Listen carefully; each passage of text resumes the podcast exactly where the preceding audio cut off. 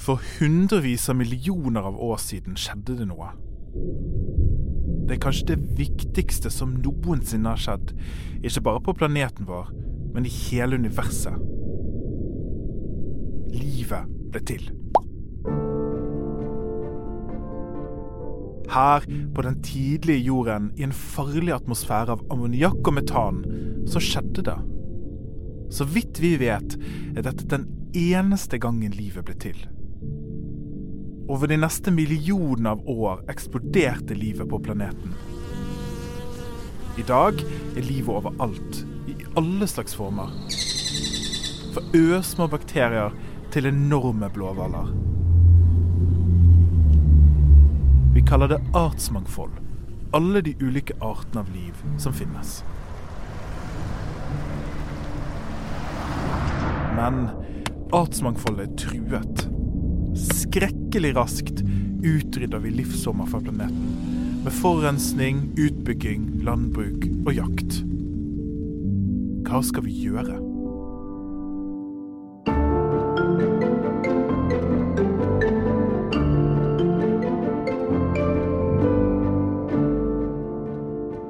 Jeg heter Alexander Santor og er Norges rikskjemiker.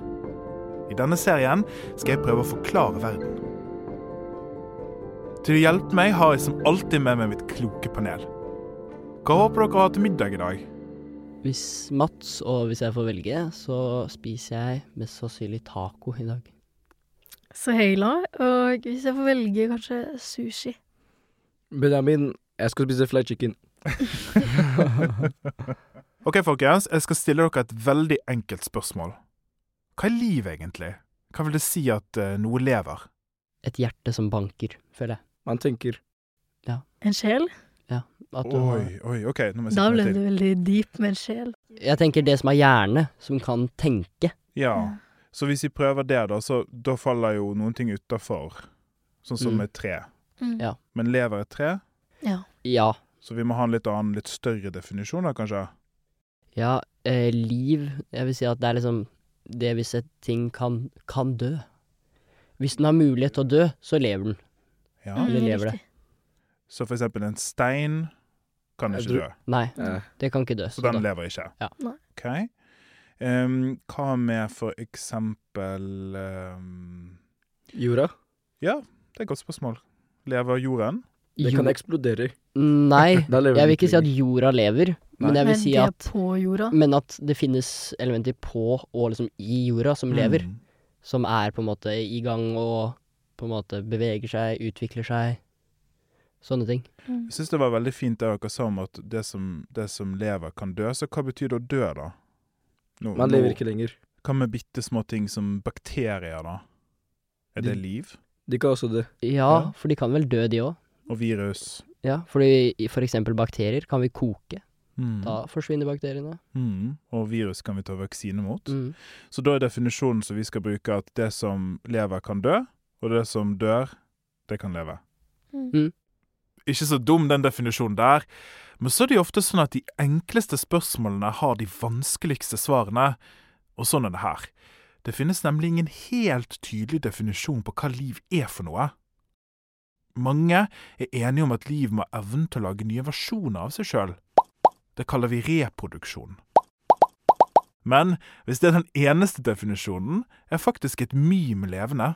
Du ser jo memes hele tiden. De er alle steder på internett, og blar jeg gjennom Insta-feeden min nå, så ser jeg minst ti av de. Noen memes sprer seg som farsotter på internett, nesten som virus. De har altså evnen til å reprodusere seg sjøl. Det blir nye versjoner, og de overlever. Men, sier du kanskje, det er vel ingen som mener seriøst at et meme er levende? Så det må være mer til liv enn at det bare lager nye versjoner av seg sjøl. En annen måte å definere liv på er at det består av celler. En celle er den minste enheten for liv. Men folkens, hva er egentlig en celle? Det er bildet i naturfagboken. Ja, for det er der du lærer om celler, sant? Ja. Det er sånn celledeling, Ja. kromosomer og sånn. For vi har nettopp hatt det på skolen. Ja, men det er perfekt, da. Og så tenker jeg egentlig liksom bare sånn det som bygger opp alt levende. Mm. At alt levende liksom er bygd opp av et veldig stort mengde med celler.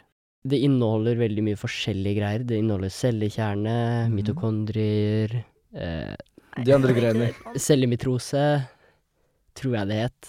Og så er det liksom eh, celleveggen, celleveggene. Så en celle er altså noe som inneholder mange sånne små biter, Ja. eh, som en slags godtepose. Mm. Er, det, er det ikke sånn at celler liksom dobler seg selv? Jo, Ja. de deler seg selv i to når de formerer seg. Mm. Mm, altså de igjen deler seg på to, og så igjen og igjen. Ja, så får du liksom celledeling. Ja. Eh, er det um, Dere sa liksom naturfag et sted dere har hørt om dette her. Så Ja. det forteller meg at dere egentlig ikke tenker så mye på celler. Nei. Jeg pleier ikke å plage meg så mye mitt dagligliv. Nei. Selv om dere er celler. ja. Det er ikke ofte jeg tenker på det, ass. Vi er jo alt, alt som vi er, er jo celler. Hmm. Er det rart, er det teit, er det morsomt, er det noe dere ikke bryr dere om? Jeg bryr meg ikke, altså. Bryr meg egentlig ikke så lenge det fungerer. ja, Ja. samme. Det er ikke nødvendig å tenke over cellene, eller engang sette pris på de. Men hvordan fungerer en celle? En celle er den minste byggesteinen i liv, og cellen i seg sjøl lever. Da kan vi si at alle ting som lever, består av celler. Bakterier består bare av én celle, mens vi mennesker, planter og dyr består av mange celler.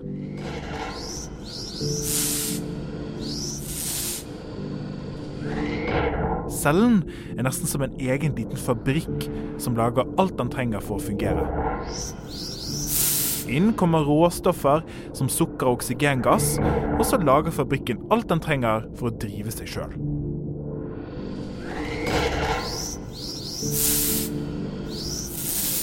Hvordan vet fabrikken hva den skal lage? Jo, den bruker arvestoffet sitt. Arvestoffet er et helt unikt og fantastisk molekyl som kalles DNA.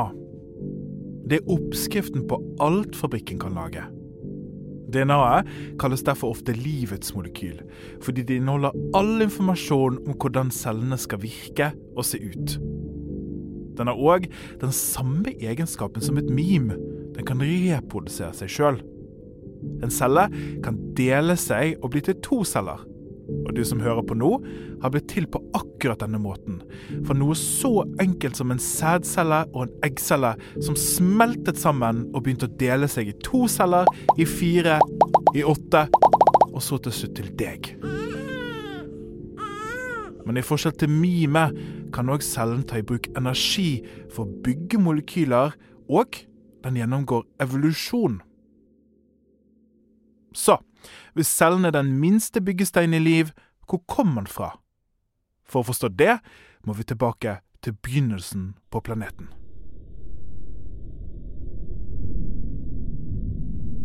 For 3,7 milliarder år siden så jorden ganske annerledes ut. Det var helt dødt. For det første var det ingen oksygen i atmosfæren. Isteden var den full av vanndamp, ammoniakk og karbondioksid. I de store havene som lå livløse, så skjedde det noe. I løpet av de neste milliardene med år oppsto livet. Her er mitt krasjkurs til livet på 1, 2, 3.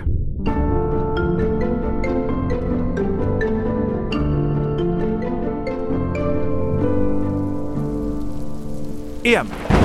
Det er sterke tordenstormer på jorden.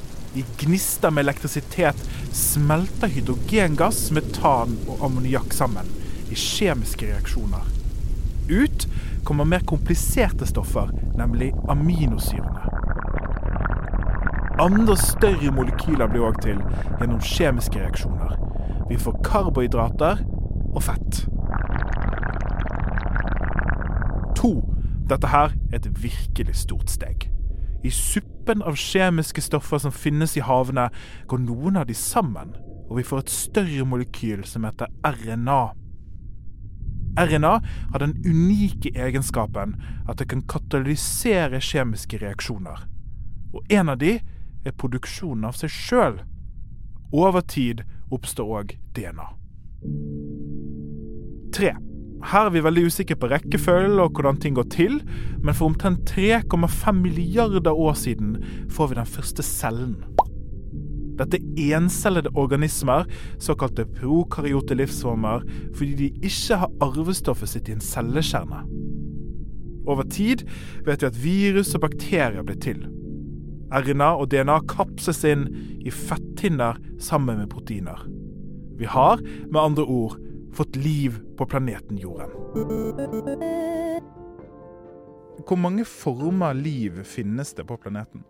Det En god del. det finnes så egentlig uendelig mange liv fordi at det kan komme uendelig mange arter. Ja, det finnes så mange livsformer at vi faktisk ikke har tall på det. Noen anslår at det er mellom åtte millioner til én billion, altså svimle mange. Men dessverre er det sånn at mange av artene antageligvis forsvinner før vi rekker å oppdage de en gang. Kan dere noen dyr eller planter eller livsformer som Altså navnet på noen ting som har dødd ut? Den der ene fuglen med sånn veldig langt eh, nebb. Jeg husker ikke hva den het. Mammuter. Mammuter? Mm. Ja. Og sånn derre tiger eh, med sånne lange Sabel... eh, Sabeltiger. Ja. Ja, sabeltann eller hva Nei, Nei. ikke sabeltann. Forurensning, utbygging, menneskeskapt global oppvarming og jakt og rovdrift er noen grunner til at arter blir utryddet. Det er altså vi mennesker som står bak. Og siden 1970 har 68% av verdens dyreliv gått tapt. Noen arter er utryddet for alltid. Det har tatt evolusjonen milliarder av år å frambringe dette livet, og oss mennesker bare tiår på å utrydde det. Vi endrer deres klima for fort, liksom miljøet deres. Eller ta bort deres hjem. Ja, Mm. At de liksom ikke har De får ikke tid nok til å, til å tilpasse seg endringene. Mm. Mm. Så vi skal ha, vi skal ha for eksempel et nytt kjøpesenter, og så fyller vi over en myr da. Så dør jo alt som bor i den myren. Mm. Um, er det noe dere tenker på noe særlig? Det er bare smådyr. Nei, jeg tenker, ikke, jeg tenker ikke egentlig på det før du ser det liksom i et sånt stort perspektiv, der du får liksom se ekte tall. Men eh, er det sånn at bare de tingene som har verdi for mennesker, er viktige? Mm, nei, fordi at alt henger jo sammen på liksom et annet nivå, da. Mm. Så det er liksom Du kan alltid finne en connection via en art til oss. Alt er jo her for en grunn, da, Ja. på en måte. Så hvis det blir borte, så er det bare sånn Hva gjør man da, egentlig? Mm. Jeg mener ikke at eh, det derre en, en av dyrene som jeg synes ikke har noe verdi, og kunne blitt borte uten at noe hadde skjedd, det er de derre de derre Det som nesten er byer, hva heter de igjen? Veps. Ja, veps, veps. Er ikke de veldig viktige? Nei, veps tror jeg ikke er så viktig. Er det bier som er viktige? Bier. Bier er viktige, vepser er drittsekker. Så sier jo ikke vi litt at da er det vi som er de viktigste på planeten? Jeg mener at mennesker er veldig viktige på planeten. For det er jo vi som har i en del, i en liten grad eh, ødelagt verden med sånn forurensning og sånn. Mm. Men jeg mener også at vi er en, den eneste arten som kan gjøre noe for å fikse den. Ja. For eksempel med å lage maskiner og sånn, Mhm. mhm. som kan redde det. Så vi har en egen verdi på en måte, eller er spesielle? Ja, vi kan, vi kan enten velge å bare ikke gjøre noe og ødelegge verden, Mm. eller så kan vi bare fikse den. Vi Det er ikke noen andre arter som kan fikse den, tror jeg. Ja, det er nettopp det. Vi har ødelagt mye, men vi kan nå fikse ting. Men altså, hvordan skal vi gjøre det? Om 50 år så er dere 65 år gamle. Rart å tenke på. Hvordan ser verden ut da? Hvis vi fortsetter sånn som vi gjør nå, så vil det mest sannsynlig være veldig mye varmere.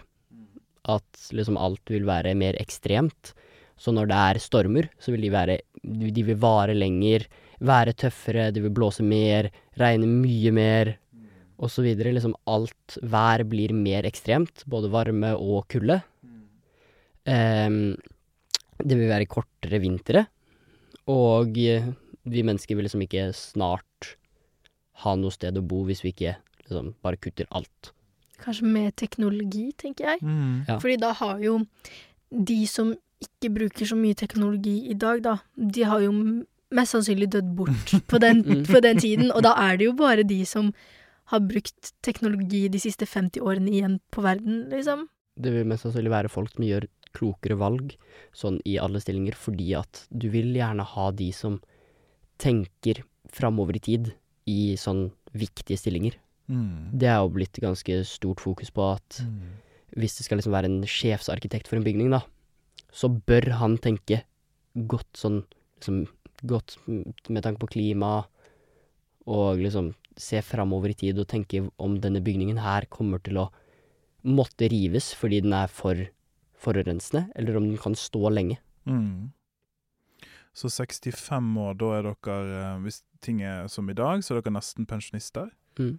Og så har dere kanskje barnebarn, noen av dere. Mm. Det er veldig rart å tenke på i dag. Ja. Men har dere noen håp? Altså Hvis dere ser for dere prøver det umulige, og ser for dere at dere sitter der med barnebarnet deres, hva håper dere for, for verden? Jeg håper bare at de, de klarer å fikse den, slik at det ikke blir som eh, Mats trodde det skulle bli om eh, 50 år. Mm. Jeg håper at det blir sånn at du, vi har klart å få i hvert fall en grei stopp på det mest forurensende. Ja, jeg kanskje håper litt på Kanskje at jeg har klart å gjøre en liten forandring i en liksom litt mindre omkrets, altså sirkel Ja. der hvor jeg er, da, kanskje. Mm. I samfunnet mitt, på en måte. Ja. Og hvis alle gjør det, så blir jo det en ganske stor endring til sammen.